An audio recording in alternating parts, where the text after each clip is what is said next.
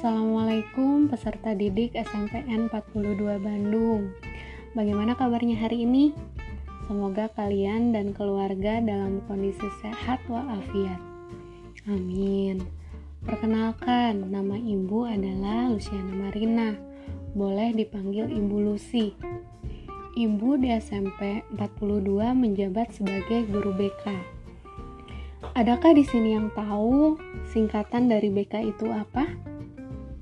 Ya, BK itu singkatan dari bimbingan dan konseling. Jadi, salah satu perbedaan di SD dan di SMP adalah di SMP terdapat layanan bimbingan dan konseling. Nah, apa itu layanan bimbingan dan konseling? Mari kita simak bersama-sama apa itu bimbingan dan konseling. Seperti yang Ibu tadi sudah bahas di awal bahwa BK adalah singkatan dari bimbingan dan konseling. Kalian harus paham dulu bahwa BK bukan mata pelajaran, bukan juga ekstrakurikuler, bukan juga non-kurikuler. Jadi BK itu apa ya? BK atau bimbingan dan konseling adalah layanan yang diberikan kepada siswa agar mencapai perkembangan dirinya secara optimal. Aspek perkembangan yang ada dalam diri kalian, para siswa, meliputi yang pertama adalah pribadi, kedua sosial, ketiga belajar, dan keempat karir.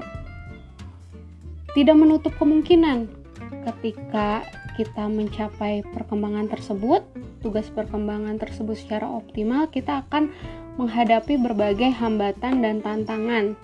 Nah, di situlah peran BK hadir di antara para siswa sebagai pemberi solusi dan pendukung atau penggerak agar kalian mampu mengentaskan hambatan-hambatan atau tantangan-tantangan tersebut.